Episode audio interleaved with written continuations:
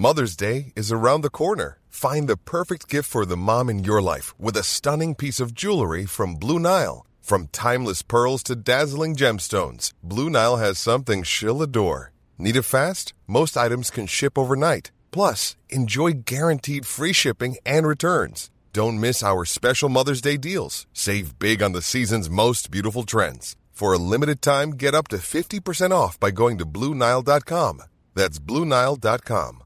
Ryan Reynolds here from Mint Mobile. With the price of just about everything going up during inflation, we thought we'd bring our prices down. So to help us, we brought in a reverse auctioneer, which is apparently a thing. Mint Mobile unlimited premium wireless. Ready to get 30, 30, bit to get 30, bit to get 20, 20, 20, bit to get 20, 20, bit to get 15, 15, 15, 15 just 15 bucks a month. So, Give it a try at mintmobile.com slash switch. $45 upfront for three months plus taxes and fees. Promo for new customers for limited time. Unlimited more than 40 gigabytes per month. Slows. Full terms at mintmobile.com. Burrow is a furniture company known for timeless design and thoughtful construction and free shipping, and that extends to their outdoor collection. Their outdoor furniture is built to withstand the elements, featuring rust-proof stainless steel hardware, weather-ready teak, and quick-dry foam cushions. For Memorial Day, get 15% off your Burrow purchase at burrow.com slash ACAST and up to 25% off outdoor. That's up to 25% off outdoor furniture at burrow.com slash ACAST. I'm Sandra, and I'm just the professional your small business was looking for. But you didn't hire me because you didn't use LinkedIn jobs. LinkedIn has professionals you can't find anywhere else, including those who aren't actively looking for a new job but might be open to the perfect role, like me. In a given month, over 70% of LinkedIn users don't visit other leading job sites. So if you're not looking on LinkedIn, you'll miss out on great candidates like Sandra. Start hiring professionals like a professional. Post your free job on linkedin.com/people today. I'm amazed how many people own stocks. They, they would not be able to tell you why they own it. They couldn't say in a minute or less why they own it. Actually, you really press them down and say the reason I own this is the sucker's going up. There's enough cash in the financial system, and there is an infinite amount of cash at the Federal Reserve, an infinite amount Put of cash. Put that check in a money market mutual fund. Then we'll reinvest the earnings into foreign currency accounts with compounding interest, and it's gone. So they had to do something. All they had left was just to print money and start buying things. And that's what they did. Quick buck artists come and go with every bull market, but the steady players make it through the bear market. They say money can't buy happiness. Look at the fucking smile on my face. Hej och välkommen till ett nytt avsnitt av Market Makers. Hur är läget med dig Fabian? Jo, det är fantastiskt bra. Finns ingenting att klaga på. Hugo-börsen, jag har ingen aning. Jag har inte kollat kontot idag. Det är eh, en ny grej jag provar, inte kolla kontot. eh, hur går det för dig, min kära vän? Vi, jag provade det här förra veckan, fråga hur du hade det. Ja, jag tror att det där du pratar om, det är väl någon slags eh, skygglappsmetod kanske. eh, den är extra viktig i dåliga tider skulle jag säga, så det, ja, jag hoppas att du inte har dåliga tider. men, men man behöver den egentligen som mest kanske när det går bra. Det är då man inte ska in och pilla och ta hem vinster och så, utan bara låta det rulla på. Jo, men det snurrar på tycker jag. Vi ska ju faktiskt prata om spännande grejer idag. Vi hade liksom, det vart ju en liten, eh, det är en liten rokav här i sista sekund. Vi hade tänkt prata om lite helt andra saker som blir nästa veckas avsnitt istället. För det har ju då släppts en mängd IPOs här på extremt kort tid. Jag tror att vi pratar om att det var typ sju stycken eller något S1s, alltså det här första dokumentet man lämnar in när man ansöker om att göra en notering i USA. Jag tror sju stycken sådana som dykt upp idag. Bland annat eh, Ant Group, eller Ant Financial, som ska noteras. Det är ju Alibabas liksom betalningsdel eller finansdel. Och där kommer vi faktiskt göra ett specialavsnitt tillsammans med podden Digitala Draken som har gästat oss förut. Det kommer bli riktigt, riktigt kul. Men det ligger lite fram. Då ska vi göra en mer djupdykning i det. Vilka andra bolag är det som är på gång och vilka ska vi prata om idag? Ja, det är Palantir, det är ju eh, Airbnb, det är Asana, det är massor med bolag som är på gång. Men vi ska ju ta de två hetaste bolagen. Vi ska ju prata Snowflake och vi ska prata Unity. Precis, och jag tror att det här kommer bli sjukt spännande och eh, det är rolig, kommer bli en rolig IPO-höst här låter det som. Eh, det som är lite synd då förstås alltid när det är amerikanska IPOs, det är att som svensk småsparare så har man ingen möjlighet att få vara med. Eh, men å andra sidan är det lite mer rättvist där, för att i, i Sverige är det ganska unikt på ett så sätt att privatsparare får vara med i börsnoteringar. I USA är det ju bara egentligen finansiella institutioner som får vara det, eller institutionella investerare. Medan det är, det är därför ofta de också kanske går så mycket mer på första handelsdagen, för då är det massvis med privatsparare som också vill in i de här bolagen. Vi såg ju till exempel att Shopifys, eh, en av deras konkurrenter, Big Commerce heter de va? De eh, noterade sig här under eh, sommaren och gick väl upp över 200 procent tror jag första handelsdagen. Det är ju rätt sjukt alltså. Då kan man prata om felprissättningar. Ja, verkligen. Men innan vi kör igång så ska vi också avslöja såklart våra eh, slogan-tävlingsvinnare. Vi hade ju en tävling här där vi bad om att folk skulle pitcha sin bästa slogan och nu har vi tagit fram två stycken vinnare. En som vi tyckte var den bästa och kanske en som tyckte var den roligaste. Eh, och de har ju nu fått hem en bok, den här boken Börspsykologi av Sofokles eller Kristoffer Andersson som gästade på den här för eh, ett tag sedan. Ja, vilken vart eh, vinnaren då? Ja, det var ju Euroboy 67, AKA Robert.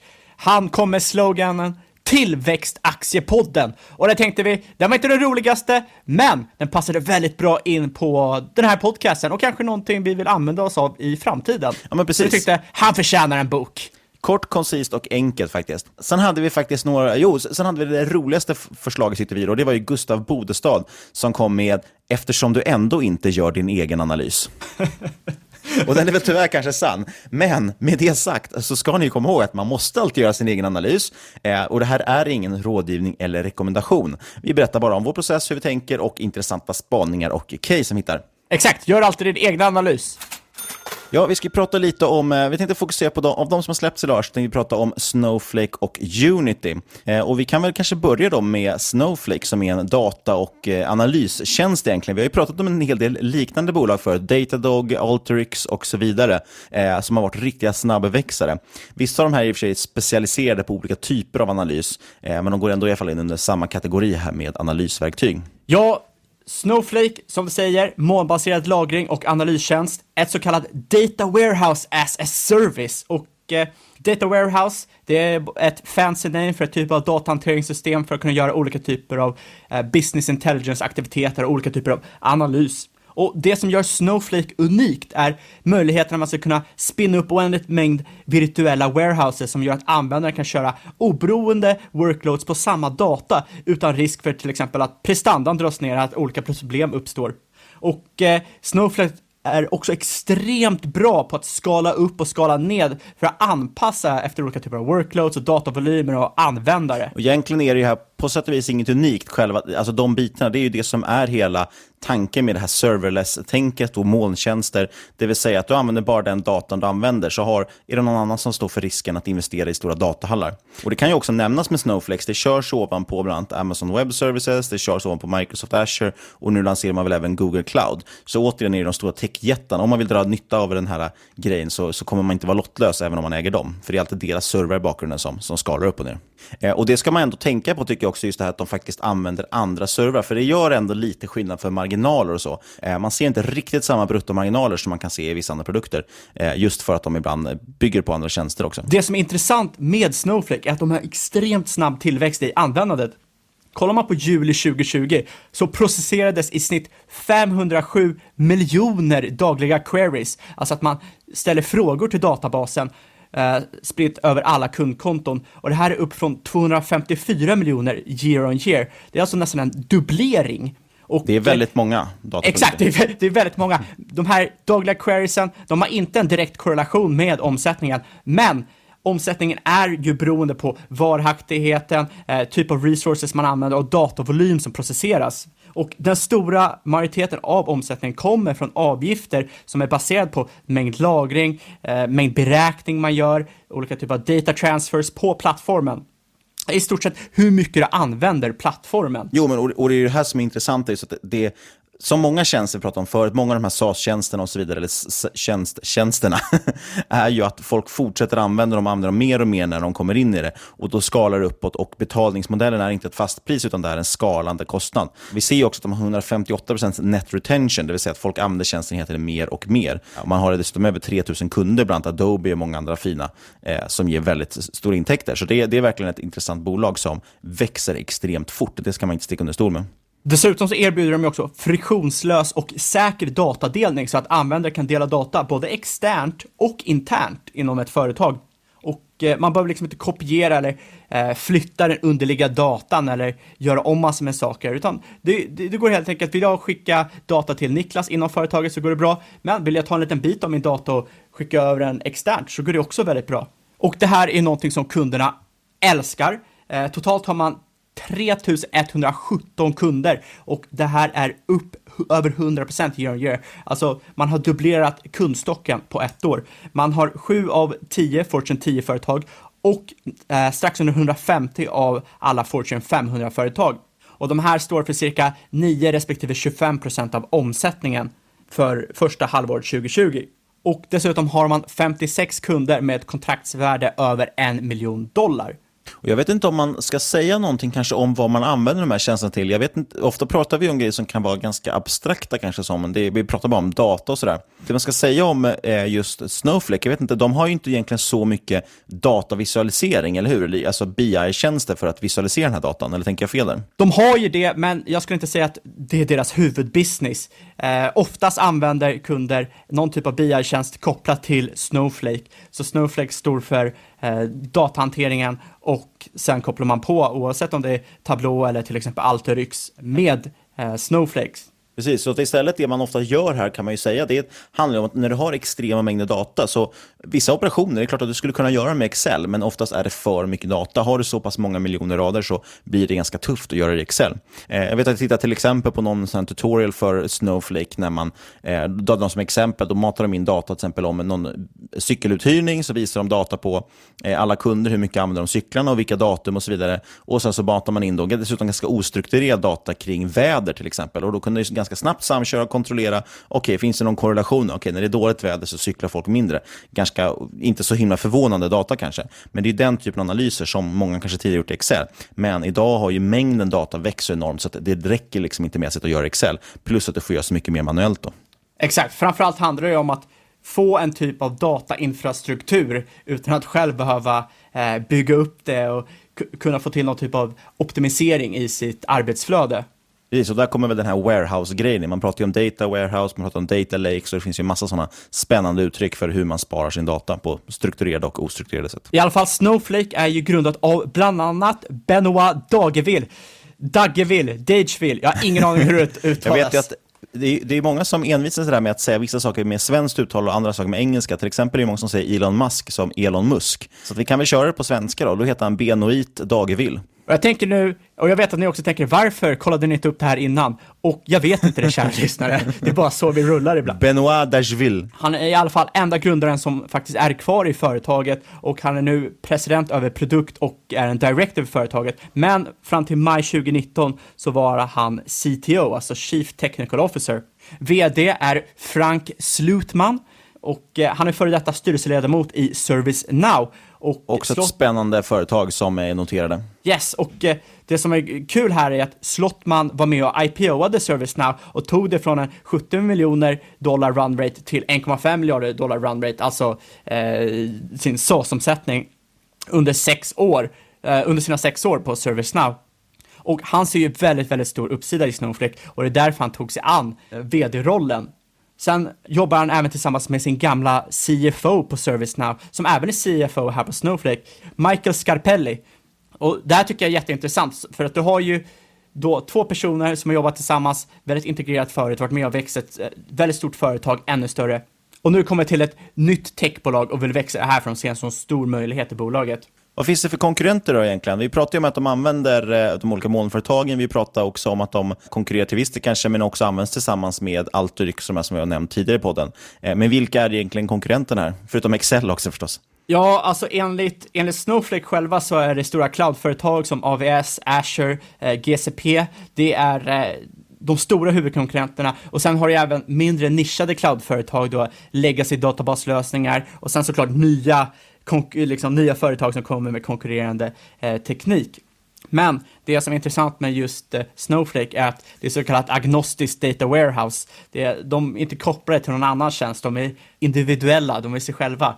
Eh, du är inte till exempel kopplad till eh, Amazon om du använder Amazon Redshift eller till Google om du använder Google BigQuery. Och jag personligen tycker det här är väldigt positivt. Jag premierar agnostik, jag gillar det när jag investerar och Eh, men där, där betyder det inte per definition att det är bättre eller så. Det är bara någonting som jag tycker är väldigt trevligt. Och dessutom är ju Snowflake extremt bra på skalning och väldigt bra på snabba komplexa queries. Och det är det som är lite av eh, deras USP jämfört med konkurrenter. Och eh, ja, jag nämnde ju de här konkurrenterna eh, inom Data Warehouse. Det var ju Amazon Redshift, Googles BigQuery, Azure Synapse och Vertica. Och eh, jag tycker väl inte direkt att det är negativt, för det här är en väldigt stor marknad, en väldigt stor marknad som kommer växa. Det enda negativa är ju om marknaden blir så kallad commoditized framöver. Men jag tror inte det kommer hända i närtid. Så jag tycker inte... Att, att priserna egentligen sjunker så extremt fort att det inte går att tjäna några pengar på det. Exakt, så jag, jag, tycker inte per definition att det finns, eller att det är negativt för många konkurrenter. Jag tror snarare att har du en bra produkt kommer du alltid hitta kunder som vill ha det, speciellt när marknaden växer så extremt snabbt som det gör. Och eh, ja, som vi sa med, eh, tog upp Alteryx och till exempel, som de kan koppla ihop med, så ska man också tänka att de är ju givetvis en konkurrent med Alteryx också, i alla fall delvis. Eh, de har ju lite av en konkurrerande verksamhet, men som sagt, inte mycket omsättning kommer från gemensamma områden. Alteryx håller på mycket med dataprepp, men allt mer dataprepp går, eh, eller kan man göra nu i Data Warehouse.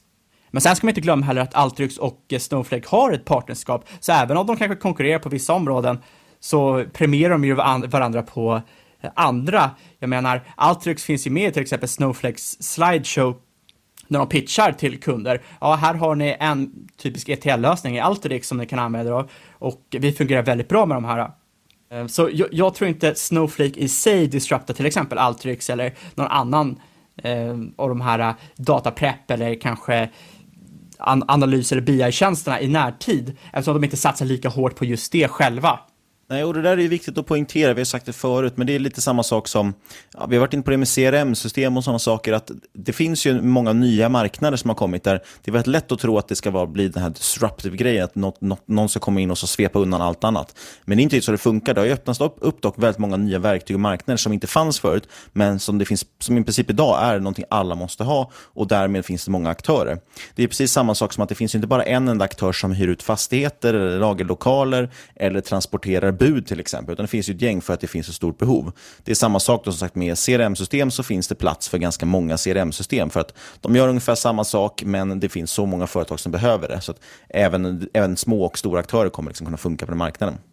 Sen är det dock väldigt viktigt såklart att ta beaktning att de måste ju dock fortfarande kunna växa starkt på sin marknad. Eh, och det här är en marknad som växer fort i sig, det har vi pratat om mycket förut i tidigare avsnitt. Eh, men trots det så måste de också själva se till att faktiskt fånga mycket av den marknaden som, som de växer med. Eh, och det är väl det viktiga här och det, det, är ju alltid såklart dyrt med den här typen av företag när de växer så pass snabbt. Alltså det får man vara lite försiktig med och hålla koll på hur tillväxten ser ut framåt. Vi såg att allt rycks, alla många av de här bolagen vi pratade om i våras är ju price for perfection, eh, vilket vi har nämnt och, och varnat för flera gånger. Och allt rycks var en sån som följer var 20-30 procent någonting, just för att de guidade lite svagt framåt. Och Det säger rätt mycket att man, en liten, liten nere, liksom, justering av guidance gör att bolaget slaktas för att det är prisat för extremt mycket tillväxt framåt.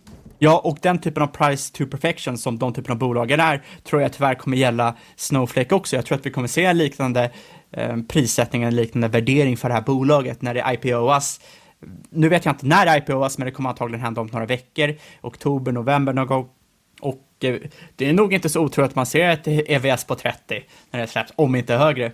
Nej, men, och, och, jag drog bara ut en, så här, vi ska komma in lite mer på hur de har växt och omsättning. Så här, jag drog ju bara ut för skojs skull att de, de växte ju nu 130 procent från H1 2019 till H1 2020. Alltså year over year växte de över 130 procent, vilket gör att de nu omsätter 240 miljoner dollar ungefär. Då bara slog jag ut för skojs skull, säg att de gör 500 miljoner omsättning under 2020. Skulle man ha 30 procent vinstmarginal, det har man ju dock inte, man går med förlust, men skulle man ha det, eh, och idag har de kanske runt 60 procent med bruttomarginal, då får man ut 150 miljoner vinst och ett P på 83 om man tittar på senaste senaste värderingen nu i februari. Antagligen kommer dock IPOs till en mycket högre värdering. Eh, så du skulle ha P80 om du då förutsätter massvis med positiva saker.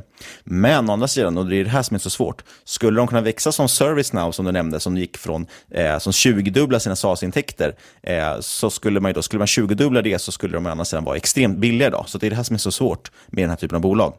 Exakt, och det är det jag tror många SAS-investerare satsar lite på, vilket jag inte tror är ett, ett superbra eller superhett tips för många investerare. Det är ju väl bara att vissa är lite mer lagda så att de kör lite mer av ett VC-investering nästan. Att de, de tänker att ja, majoriteten av mina innehav kan antagligen inte växa superbra, men så kommer jag ha den här kanske tenbaggen eller whatever som gör upp avkastningen för hela portföljen. Men då måste man ju nästan ha den strategin som, ja, jag vet att professor Kalkyl till exempel på Twitter körde med det förut, jag tror att han har blivit lite mer koncentrerad nu, men han hade väl liksom 30-40 bolag eller något sånt, eh, men där då väldigt många kan anses väldigt dyra, men några av dem kommer växa in i värderingen och några kanske gör, gör inte det. Men de som gör det kommer kanske då liksom tiodubblas i pris. Och som du säger, just det är typiskt liksom, så som många kör VC-investeringar. Då. Att någon av de här kommer bli som en tenbagger eller liksom ännu mer kanske, eh, vilket gör att det kommer betala av sig för alla förlusten också. Och Det är också ett sätt att jobba på, men jag tror att då måste man verkligen ha is i magen, våga vara långsiktig i bolagen, se till att diversifiera och så hänga med liksom, och inte titta för mycket på det och inte gå in för tungt i varje bolag. Exakt, och så kan man tänka alla de här tillväxtbolagen, de är extremt svåra eh, att eh, hålla kvar i över en längre tid, för du ser ju ofta drawdowns på mellan 20-30 till, till och med 80 procent. Det är ju bara att kolla på Amazon. Jag menar, de flesta tänker ju på drawdownen runt IT-bubblan, som det, det, var ju där det kanske var svårt att hålla i Amazon. Nej, för att det var ju liksom vart annat, vart tredje år så såg du en 30, 40, 50 procent drawdown i Amazon. Det är inte många som liksom vågar eller orkar hålla kvar det över tid, för de kan inte se liksom hur framtiden utvecklas för de här bolagen. Det är ju det som är så extremt svårt. Det är det kvalitativa, det sa vi ju i sommaravsnitten. Det kvantitativa kan ju vilken showman som helst räkna fram nästan. Det är, det är att förstå det kvalitativa och framtiden som blir det svåra. Och det där är så extremt svårt. Det finns ju stora möjligheter här, just för att de kan som sagt 20-dubblas liksom i, i omsättning, vilket är enormt. Eh, men marknaden tittar oftast bara några kvartal framåt, vilket gör att ja, en nedguidning liksom på, för några kvartal fram kan göra väldigt stora effekter på priset, eh, på aktiepriset. Alltså. Eh, och Det får man ju då nyttja, men det är svårare att ha is i magen när man vet att bolaget också är väldigt, väldigt dyrt. Eh, då, det är då man börjar liksom misstro sig själv. Det är därför jag gillar mer. Tycker jag, har jag räknat fram att någonting tycker jag då känns billigt, ja, då är det lättare att våga köpa det kanske när det dippar, eh, eller åtminstone sitta kvar. Men vi har ju sett det som sagt i flera bolag också. Alteryx gick ju ner rejält, även Fastly, där gick vi in och fyndade lite grann, eh, eh, vilket har återhämtat sig fint. Men det är ju extremt svårt att veta. Ibland kommer det ju bolag som, som faller och bara fortsätter falla. Och Någonting som inte fallit, om man ska ha en liten segway här, det är ju Snowflakes omsättningstillväxt senaste kvartalen. För de har ju snittat 25% tillväxt per kvartal senaste åtta kvartalen, så håller det i sig, ja, då kommer det här bli en multibagger också. Eh, omsättningstillväxten 121% year on year senaste kvartalet.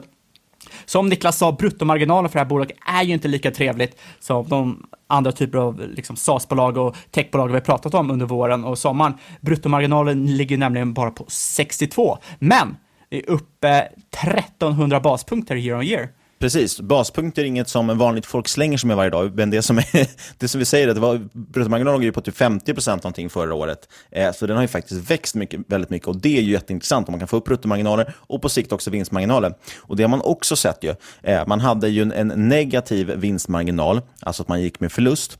Man hade faktiskt en, en negativ vinstmarginal idag på minus 60% så man gör ju en, en stor förlust där. Eh, men den låg ju faktiskt ännu högre till, den låg ju 80% eller sånt. Så att eh, själva vinsten, an, förlust förlusten i, i relationen till omsättningen minskar. Och Det är väldigt trevligt, för det visar ju på en skalbarhet. Det visar ju på att någon dag kommer man förhoppningsvis växa så pass mycket att vinsten, eh, eller förlusten slår över till vinst och då skalar uppåt. och Då får man extrem explosiv eh, tillväxt i vinstmarginal kan vara så, det behöver inte vara så i just det här fallet, men det är det man sett i vissa andra bolag i alla fall. Eh, jag tycker att det är härligare än de här bolagen som växer förlusten lika mycket som omsättningen, till exempel Uber och liknande. Exakt, nej men bolag som växer eh, växer förlusten med omsättningen. Det finns ju noll anledning att investera i dem. Det finns ingen skala, det finns inga skalfördelar där. Du vill ju ha avtagande förluster med växande omsättning. Det är så du hittar ett trevligt bolag. Det som jag tycker är super, super intressant med Snowflake, det är ju som sagt hur mycket deras kunder verkar älska produkten. Kollar man på net dollar retention, eh, det vill säga eh, enklare uttryck upsell, alltså man säljer nya produkter till samma kunder, då ligger det på 158% year on year man har 171 000 dollar i omsättning per kund, vilket är helt galet. Men kollar man endast på andra kvartalet 2020 så hade de en net dollar retention rate på 223 procent. Och det här betyder alltså att de har kunnat dubbla omsättningen utan några nya kunder. Det är rätt galet faktiskt. Det är galet, jag, all, jag tror aldrig jag har sett det förut. Nej, och vi har ju tagit det förut, men vi kan bara ändå repetera. Net dollar retention betyder ju alltså att om du säljer för en dollar förra månaden och du säljer en dollar för den här månaden, då är din net dollar retention 100%. Du har behållit 100% av omsättningen från förra månaden. Så är den över 100%, då har det alltså växt. De har alltså växt med över 123% eh, och behållit tidigare kunder också. Exakt. Otroligt intressant. Vi glömde nämna en liten sak, apropå med det här med CRM som jag sa, och även partnerskap som du nämnde med Alteryx. Det var ju att de, lyft, de reste ju faktiskt pengar i februari senast i år, så det var inte alls så länge sedan. Då hade man en värdering på över 12 miljarder dollar, så det är ju extremt börsvärde på det, eller högt värde på det, ska jag säga, för då är det inte, inte börsnoterat än. Men det var bland annat för att ta in eh, Salesforce som investerare i bolaget, vilket jag tycker är väldigt intressant. Så där är ju någonstans man tittar på samarbeten och synergimöjligheter framåt. Det kan vara väldigt intressant också att hålla koll på. Verkligen, och jag, jag tycker verkligen man ska premiera att de har bolag, vi ska gå in på det med Unity också, men att man premierar bolag som har bra investerare sedan tidigare. För det gör väldigt mycket om att guida bolaget och guida vägen framåt. Sen, om man ska kolla på Rule of 40, de går ju med tokförlust, men man kan göra en liten fuling och så kan man kolla på rörelsemarginalen, eller rörelseresultatet, och då får man Rule of 40 på 62. Ja, men du borde ju även få, för du har ju 120% omsättningstillväxt, så även om du stoppar in vinstmarginalen som är minus 60, då har du ju fortfarande 60% även där med rule of 40. Så du ligger ju ändå över 40, trots att du går med tokförlust. Exakt, så att eh, ibland är det bara omsättning som gäller. Det är det, det är det jag alltid säger. Skit i allt annat, det är omsättning. Så fort du får profit, det är då det går neråt. Ready to pop the question? The jewelers at BlueNile.com have got sparkle down to a science with beautiful lab-grown diamonds worthy of your most brilliant moments. Their lab-grown diamonds are independently graded and guaranteed identical to natural diamonds, and they're ready to ship to your door. Go to BlueNile.com and use promo code LISTEN to get $50 off your purchase of $500 or more. That's code LISTEN at BlueNile.com for $50 off. BlueNile.com code LISTEN. Hiring for your small business? If you're not looking for professionals on LinkedIn, you're looking in the wrong place. That's like looking for your car keys in a fish tank. LinkedIn helps you hire professionals you can't find anywhere else, even those who aren't actively searching for a new job but might be open to the perfect role. In a given month, over 70% of LinkedIn users don't even visit other leading job sites. So start looking in the right place. With LinkedIn, you can hire professionals like a professional. Post your free job on linkedin.com slash people today. Millions of people have lost weight with personalized plans from Noom. Like Evan, who can't stand salads and still lost 50 pounds. Salads generally for most people are the easy button, right? For me, that wasn't an option. I never really was a salad guy. That's just not who I am. But Noom worked for me. Get your personalized plan today at Noom.com. Real Noom user compensated to provide their story. In four weeks, the typical Noom user can expect to lose one to two pounds per week. Individual results may vary. Everyone knows therapy is great for solving problems, but getting therapy has its own problems too, like finding the right therapist, fitting into their schedule, and of course, the cost. Well, BetterHelp can solve those problems. It's totally online and built around your schedule. It's surprisingly affordable too. Connect with a credentialed therapist by phone, video, or online chat, all from the comfort of your home. Visit betterhelp.com to learn more and save 10% on your first month. That's BetterHelp, H E L P. Cool fact a crocodile can't stick out its tongue. Also, you can get health insurance for a month or just under a year in some states. United Healthcare short term insurance plans, underwritten by Golden Rule Insurance Company, offer flexible, budget friendly coverage for you. Learn more at uh1.com. Och apropå bolag som inte gör någon vinst, så kan vi börja prata om Unity, som otroligt nog har lyckats reservera tickern U. Så de kommer alltså bara heta U på börsen och det trodde jag någonstans att det var taget. Varför har inte Uber eller någon tagit det? Jag vet faktiskt inte, fast å andra sidan, Uber har ju perfekt, för de har väl ticken Uber? Ja, absolut. Och Snowflake, det kan vi nämna, de har ju Snow såklart som sin ticker. Men det är ändå lustigt att det finns eh, tickers med bara en bokstav kvar. Jag trodde att hela alfabetet var taget. Ja, jag tror också det faktiskt. Ja, men vad är Unity, hör jag er fråga. Nej, det är ingen hippieprodukt, man är inte kumbanja med varandra. Det är företaget som står bakom utvecklarplattformen Unity. Ja, det är påhittigt. Mm. Eh, det, men det är, en, det är en av de stora spelmotorerna tillsammans med till exempel Epics Unreal Engine. Och spelmotorer används av spelutvecklare. Eh, istället för att behöva uppfinna hjulet kan du använda i stort sett standardfunktioner för att sna- snurra upp spel snabbare och bättre. Utvecklare behöver alltså inte lägga krut, eller de kan lägga mer krut på content och layout och så vidare, snarare än att behöva sitta och programmera allting från scratch. Det är ju så att utveckla spel är extremt komplext idag eh, och de här spelmotorerna gör ju det så mycket enklare. För det är ju, du, du måste ju, annars måste du ju börja från scratch, börja bygga en fysikmotor, bestämma hur liksom fysiken ska funka, hur ska kameror funka, ljussättning och så vidare. Med Unreal Engine, eller Unity i det här fallet, då, så i princip då startar du upp ett program och så väljer du, ska det vara 2D eller 3D det spelet, eller virtual reality eller någonting. Nej, jag ska ha 3D, och det ska vara en first person shooter och så pang, så är det i princip klart och det finns massor med färdiga grejer. Sen på det bygger man ju på med också ytterligare moduler och paket, så idag finns ju så extremt mycket färdigt.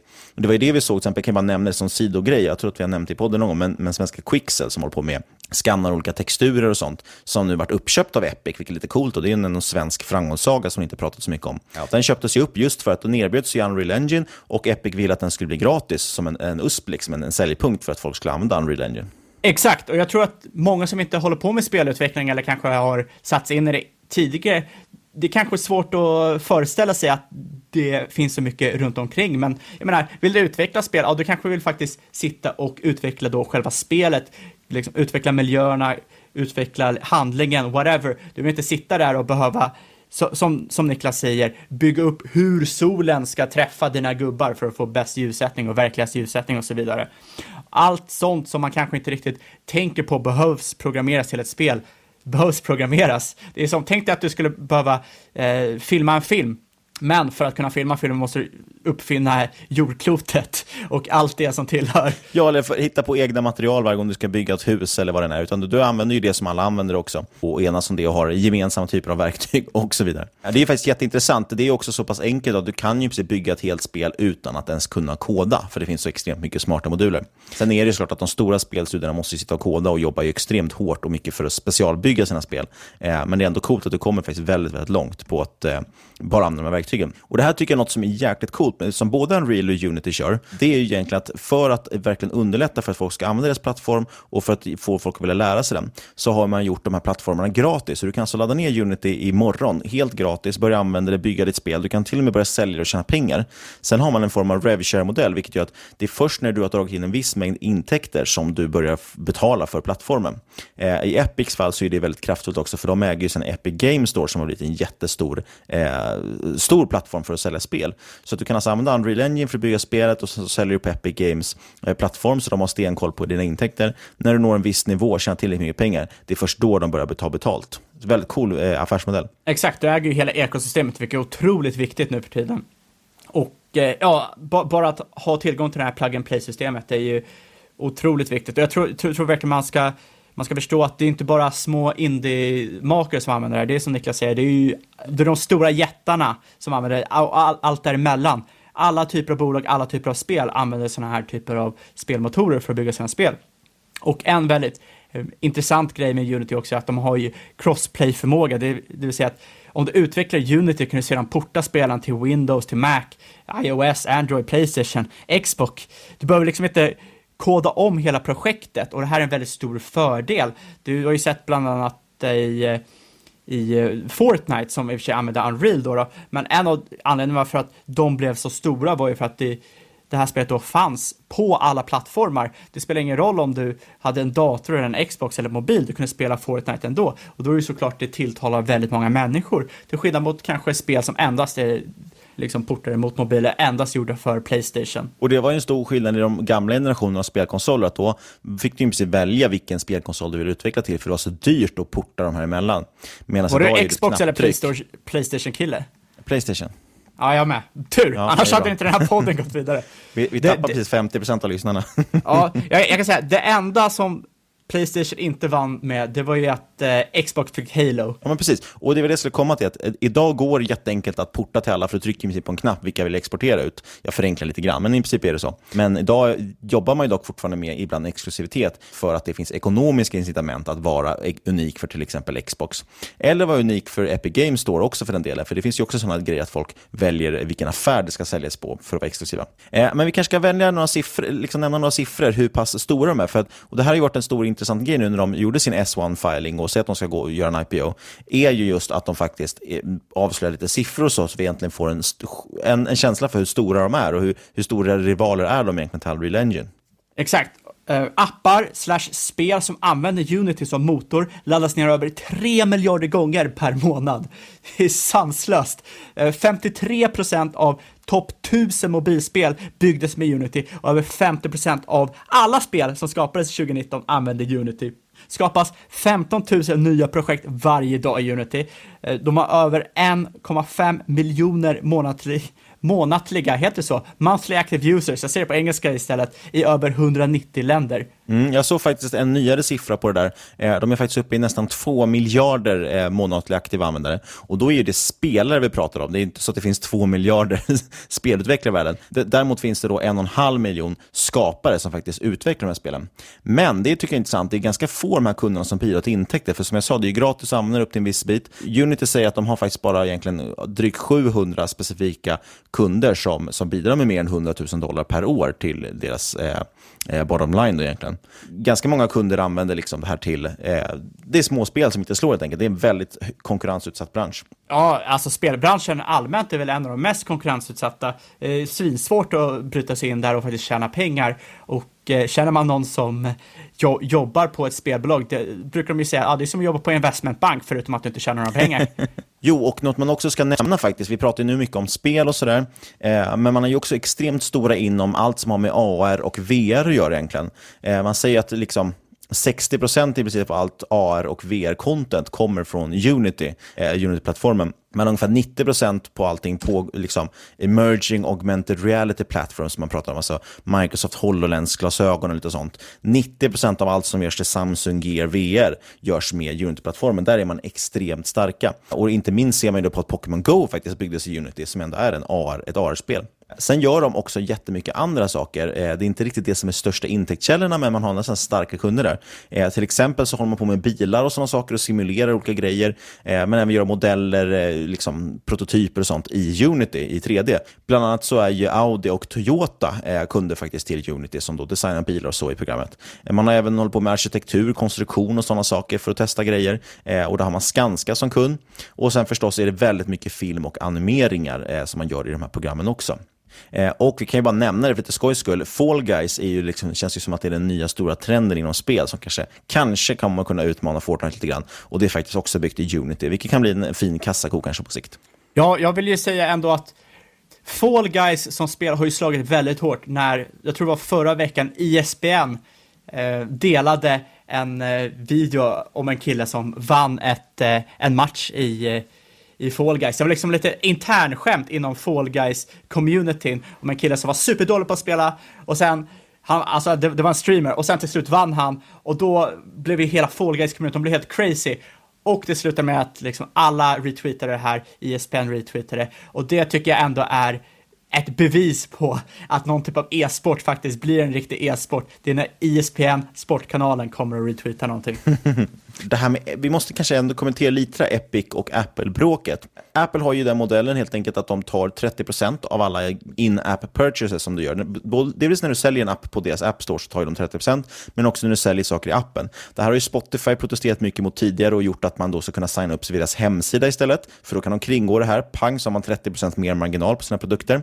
Och Epic har ju gått ut väldigt hårt mot det här och sagt att vi vägrar betala, vi tycker att det är bullshit att ni ska ta 30%. Så de har ju bara slutat och, och kringgått där. Att då blir förstås Apple arga, för det är en stor del av deras intäkt och de måste ju markera, så de då sa ju att ni får då inte längre sälja Fortnite. Så drog man väl bort Fortnite till och med från App Store. Sen gick man till och med ut så pass hårt och sa att allt som har byggts med Unreal Engine, för det är ju ändå Epic också, tog man då och sa att ni får inte finnas kvar på App Store, vilket då helt plötsligt dödar ju liksom halva mobilspelsmarknaden i princip. Nu har man dock fått från domstol att man måste till, tillåta alla utvecklade spel, att det har ingenting, de ska inte liksom drabbas på grund av det här. Men däremot som jag förstår det är fortfarande Fortnite borta. Och det här är faktiskt också delvis en stor, kan vara en stor möjlighet för Unity att sälja in sig själva då helt plötsligt och, och få mer utvecklare. För vissa kanske är rädda för att bygga sina spel i Unreal. Å andra sidan är en stor switching kostnad, därför ska du lära en helt ny spelmotor och så vidare och gå över till det.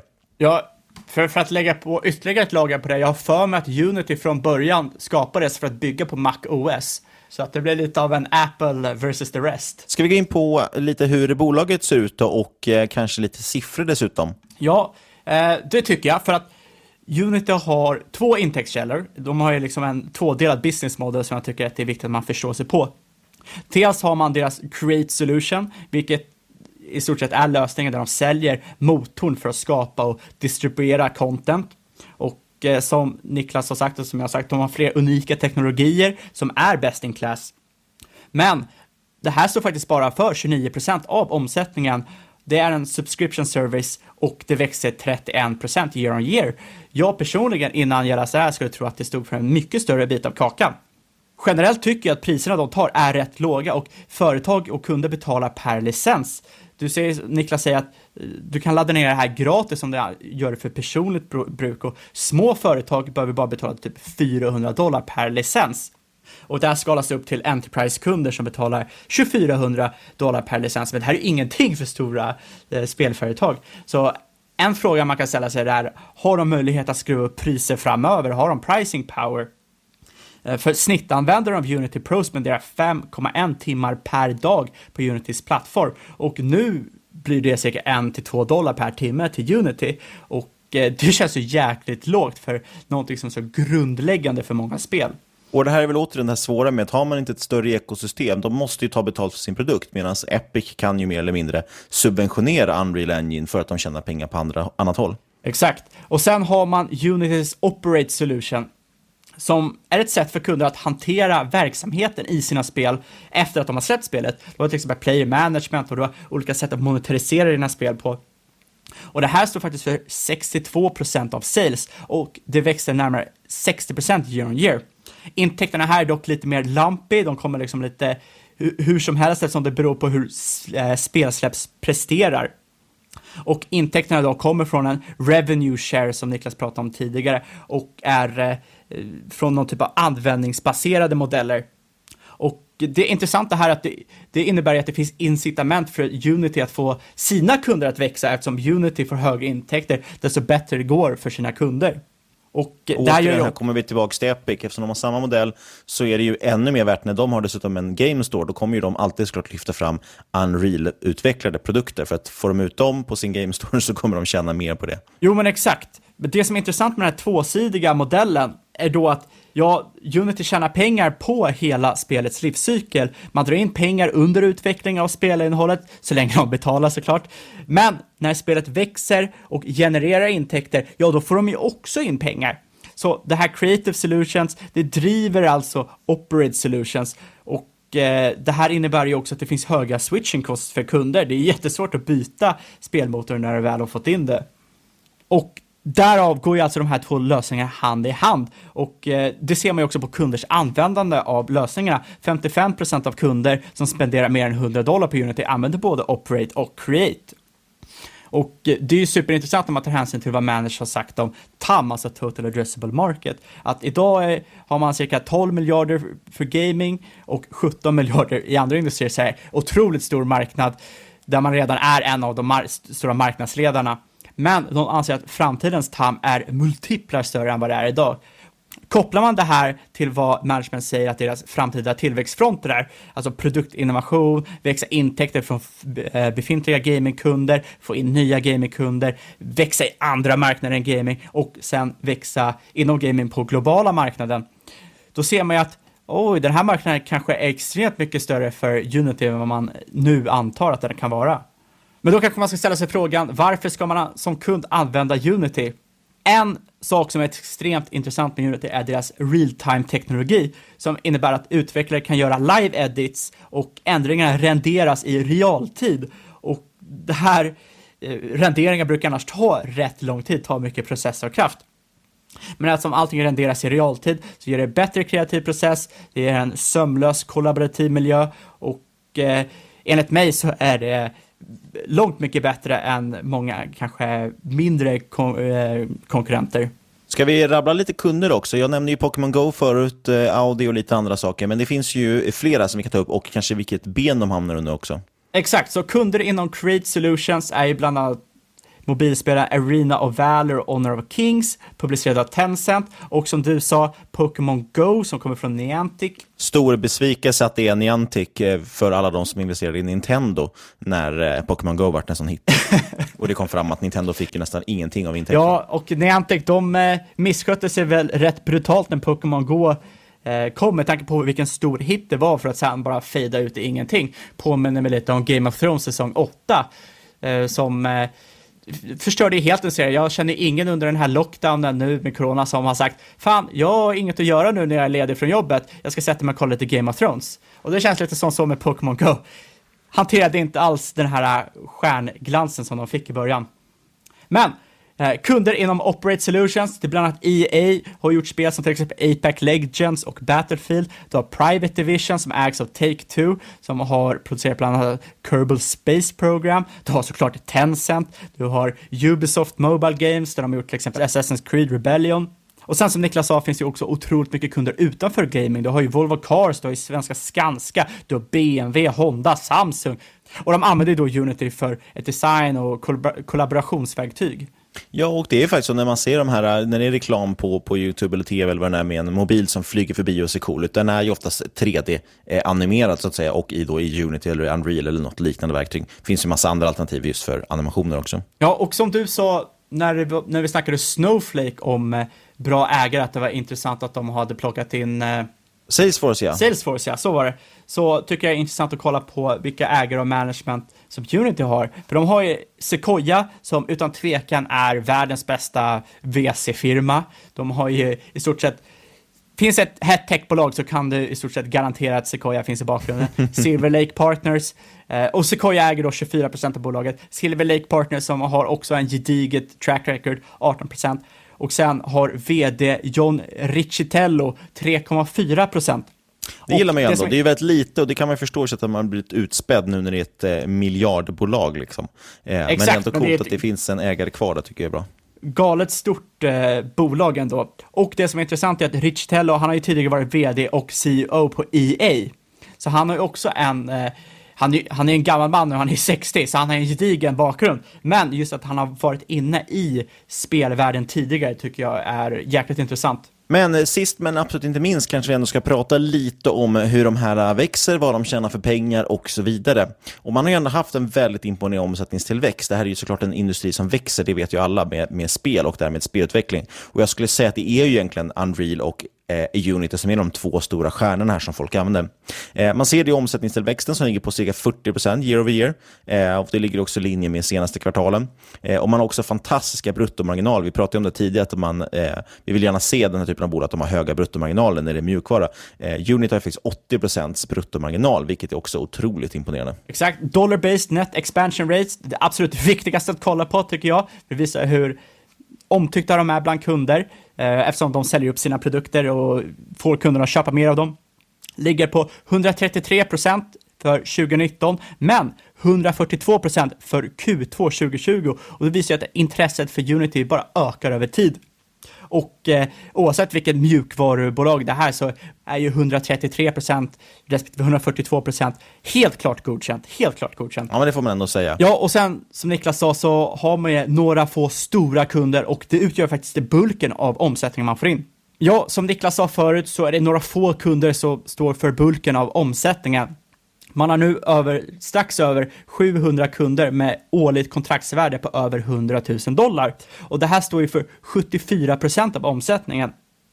Och eh, de här större kunderna, de brukar teckna avtal på 1 till 3 år jämfört med lite mindre kunder som har eh, ett års kontrakt. Och det som också är intressant är att kundvärven verkar accelerera, för man har dragit in 48 nya kunder under Q2 2020. Men det känns som vi har missat någonting här va? De, eh, tjänar de någon pengar det här bolaget eller? Nej, det gör de inte. Nej, de varken genererar kassaflöde eller fritt kassaflöde ska jag säga, det vill säga att det finns några pengar kvar i slutändan. Och de har inte heller några vinster, varken gap eller non-gap. Man ser just det, tittar man på till exempel siffrorna nu för H1 2020 så har man ju ungefär minus 10 procent får man väl säga i vinstmarginal, det vill säga att man gör en, en ganska stor förlust på det som man... Men då är det väl återigen det här med att man då ska skala så att säga för tillväxt. Jag kan samtidigt tycka att det här bolaget ändå funnits ett tag eh, och gör någonting som borde vara lönsamt. Ja, jag vet inte, jag skulle vilja se lite tydligt också hur man faktiskt tar, vad man gör med sina pengar som som kommer in.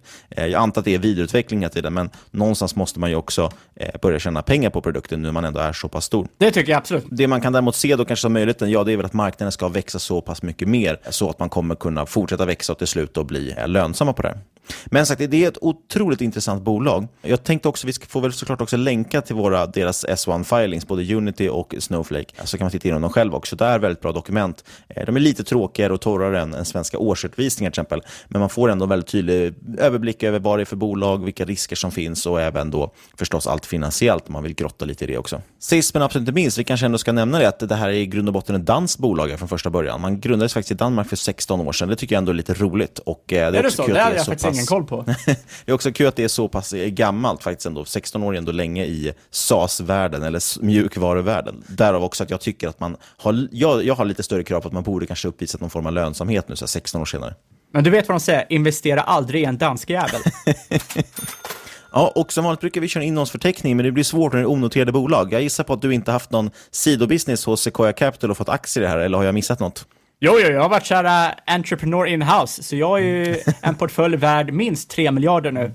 Eh, som är lite fördelat över alla deras toppinvestments. Och som kommer dubblas nu när de här bolagen börsnoteras. Ja, ja, absolut. Nej, vi har inte aktier i något av de här två bolagen och som vanligt gäller att inget du hört i den här podcasten ska ses som rådgivning. Alla åsikter vår egna eller vår gäst och eventuella sponsor tar inget ansvar för det som sägs i podden. Tänk på att alla investeringar förknippade med risk och sker under eget ansvar. Läs gärna igenom som sagt de här S1-filings om du är intresserad av att köpa de här bolagen. Då kommer du ha en stor edge med tanke på att majoriteten av alla investerare inte gör sin egen analys. Kontakta oss på podcast at marketmakers.se om du vill prata på oss, eller ännu bättre, Twitter at marketmakerspod där vi även har våra individuella Twitters. Och eh, lämna gärna recension på iTunes så vi åker upp i rankingen.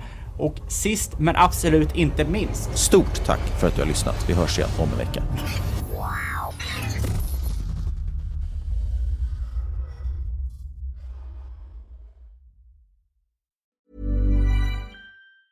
Mom deserves the best, and there's no better place to shop for Mother's Day than Whole Foods Market. They're your destination for unbeatable savings, from premium gifts to show-stopping flowers and irresistible desserts. Start by saving 33% with Prime on all body care and candles. Then get a 15-stem bunch of tulips for just $9.99 each with Prime. Round out Mom's menu with festive rosé, irresistible berry chantilly cake, and more special treats. Come celebrate Mother's Day at Whole Foods Market.